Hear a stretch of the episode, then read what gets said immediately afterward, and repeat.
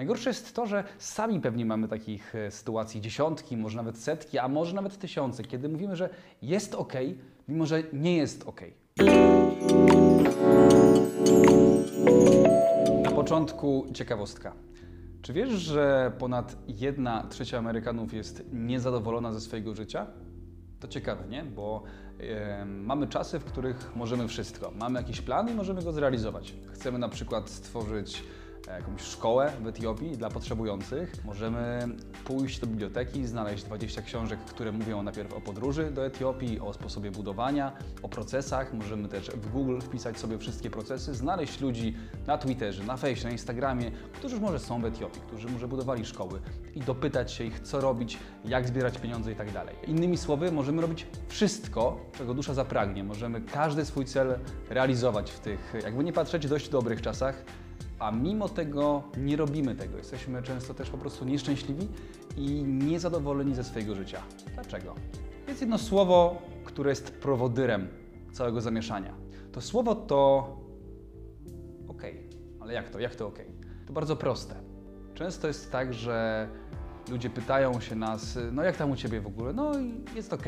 Pomimo tego, że nie wiem, może straciliśmy pracę, nie jesteśmy w stanie teraz znaleźć nowej, bo są ciężkie czasy i nie mamy pojęcia, jak się wziąć za swoją przyszłość, to mówimy, jest ok. Mamy problemy zdrowotne, może mamy cukrzycę, może walczymy z otyłością. Jak u Ciebie jest? No, jest ok. Okazuje się, że to ok jest naszym usprawiedliwieniem. To ok demotywuje nas do działania. To ok sprawia, że jesteśmy w stanie stanąć w miejscu, powiedzieć sobie, że tak jakoś to jest, tak wygląda to życie i sami siebie usprawiedliwić przed brakiem działania. Najgorsze jest to, że sami pewnie mamy takich e, sytuacji dziesiątki, może nawet setki, a może nawet tysiące, kiedy mówimy, że jest ok, mimo że nie jest ok. Więc przestańmy oszukiwać sami siebie. Mówienie sobie, że jest ok, jak nie jest ok, jest to ucieczka od prawdy i powtórzę się jeszcze raz, jest to usprawiedliwienie swojego braku działania. I teraz ciekawostka. Zgadnijcie, jaka była szansa na to, że będziecie żyć w tych czasach, w których teraz żyjecie, biorąc pod uwagę wszystkie wojny, wszystkie katastrofy i wszelkie zjawiska na świecie, bo obliczyli to naukowcy. Jakie jest prawdopodobieństwo, że właśnie teraz żyjecie? 1 do 1000, 1 do miliona, do 5 milionów? Nie. To, że jesteście tu i teraz to oglądacie, to jest cud, bo szansa wynosiła 1 do 40 miliardów. I wiedząc o tym, że szansa, że jesteście tutaj i teraz była 1 do 40 miliardów, a mimo wszystko się Wam udało, to chyba trochę grzechem byłoby powiedzieć sobie teraz, e, no nie jestem w stanie już nic ze swoim życiem zrobić. No jest to ok, ale nie jestem w stanie się w ogóle wziąć do roboty i zacząć robić to, na czym mi zależy, zacząć robić to, czego naprawdę chcę. Cały czas mamy pomysły, idee, nawet jak się podpalimy na chwilę do czegoś, żeby coś e, zrobić. No, obejrzałem materiał na YouTubie i tak, ale czat, mam teraz energię, pójdę na siłownię, stworzę własny biznes, stworzę kanał na YouTube. I jakoś tak jakoś dziwnym trafem e, się dzieje, że na drugi dzień już te siły są mniejsze, te chęci są po prostu mniejsze i odwlekamy to, finalnie tego w ogóle nie robimy. Jest to nagminna sytuacja. Ciekawostka jest taka, że możemy rozróżnić nasz mózg, a raczej wyodrębnić takie dwie specjalne połówki naszego mózgu. Jest jedna, która jest na autopilocie. To jest to, co nasz mózg lubi, czyli codzienne powtarzanie identycznych czynności, które nie wymagają jakiegoś, wiecie, dużego fokusu. Rzecz druga to jest hamulec bezpieczeństwa. On zaciąga się wtedy, kiedy nagle robimy coś bardzo dziwnego i nasz mózg reaguje: Ej, ej, ej, tego nie znam, to jest dziwne, nie rób tego, bo to jest dla mnie obce. Fe, nie, kysz. I to są dwie połówki naszego mózgu, które nami rządzą. Czyli to, że jest dobrze, nie wychodź z tej strefy, swojej strefy komfortu, tu bądź, tu ja mózg to lubię. I druga, robimy coś dziwnego, nie, nie, nie, nie, wyjdź stąd. Musimy walczyć z obydwiema połówkami. Z jednej strony, robiąc to, co robimy cały czas, nie jesteśmy w stanie nic w swoim życiu zmienić. Kropka. Dwa. Jeżeli mamy moment, kiedy robimy coś bardzo dziwnego, nowego, coś na samym początku swojej drogi działalności, wiedzmy o tym, że nasz mózg tak zareaguje. On najpierw postawi nam wykrzyknik. Ej, uważaj, to jest złe, to ja, ja tego nie znam.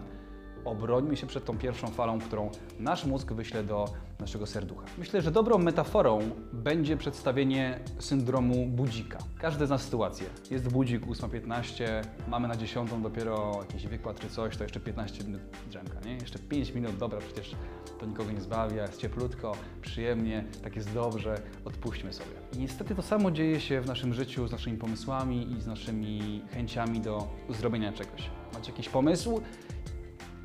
Dobra, to jeszcze z jutro wrócę do tego. To dobra, to tam wieczorem o tym pomyślę. Macie chęć, nagle włączycie metaforyczną drzemkę. Jest taka niepisana zasada 5 sekund, mówiąca o tym, że jeżeli macie coś w głowie, coś Wam się urodzi, ta taka ta żaróweczka z komiksów, i w ciągu 5 sekund nie podejmiecie żadnego fizycznego działania. Na przykład mam pomysł i zapisuję sobie teraz wszystko e, w notatniku. Albo ok, mam pomysł, żeby coś ogarnąć, od razu dzwonię do gościa, żeby mi to ogarnął. Jeżeli w przeciągu 5 sekund nie zrobimy nic z naszą ideą, to prawdopodobnie ona umrze śmiercią naturalną. Najgorsze jest to, że jak wchodziliśmy w stan dorosły, okej, koło 18 na przykład, to nikt nam nie powiedział tego, że żeby stać się tym, kim naprawdę chcesz być, musisz bardzo często robić rzeczy, na które kompletnie nie masz ochoty. Nikt nam tego nie wpoił, my musimy się sami tego nauczyć. Dla przykładu, ja sam e, miałem takie sytuacje, kiedy robiłem coś, czego naprawdę być może mi się bardzo nie chciało, albo bardzo ciężkie, a to zaprocentowało mm, w mojej przyszłości czymś wyjątkowym, czymś wielkim. Przykład. Montażystę, który mm, montuje filmy, akurat w moim projekcie Chcę Zostać, poznałem w taki sposób, że miał swój jakiś film dyplomowy, jakiś aktor mu wtedy e, wypadł i dostałem informację, czy mógłbym ja go zastąpić, mimo że chyba na dwa dni przed nagraniami było około cztery kartki tekstu do rapowania jakiegoś dziwnego wierszyka i wiedziałem, że będzie bardzo zimny plan, totalnie non-profit w garażu podziemnym, czyli zimno, dużo pracy, nocki zarwane, finansowo nic z tego nie mam, ale czułem, że chcę to zrobić, że jednak y, lubię tę pracę, y, też aktora, y, chcę poznać ludzi i zrobiłem to, mimo ogromnego poczucia dyskomfortu. Finalnie tak się zakumplowaliśmy, że ten człowiek jakby od trzech lat pracuje przy wszystkich projektach Chce Zostać i montuje je oraz koloruje, więc ta sytuacja pokazuje, że wychodząc poza strefę swojego komfortu możemy poznawać ludzi, z którymi możemy robić naprawdę potem wyjątkowe rzeczy. Dlatego mega zachęcam Was do tego, żebyście uważali na jest ok. Jeżeli nie jest ok, to nazwijmy to głośno. Powiedzmy sobie, nie jest ok i coś tym muszę zrobić. Ktoś się pyta, czy u Ciebie wszystko ok? Wiesz co, nie. W sumie od dwóch lat próbuję zrobić swój kanał na YouTube i się nie biorę i to wkurza, więc tak naprawdę jutro się zaczynam brać, piszę pierwszy odcinek, nagrywam e, kamerą jakieś pierwsze ujęcia, wstawiam na YouTube i zobaczymy co będzie. Nazywajmy rzeczy po imieniu, bo będziemy cały czas w tym miejscu. W tym jednym miejscu przez lata będziemy mówić jest ok, jest ok, jest ok, wiedząc, że ok nie jest. Jeśli ten odcinek Wam się spodobał, zostawcie e, łapkę w górę, subskrybujcie i zobaczymy się w kolejnym odcinku przed 30.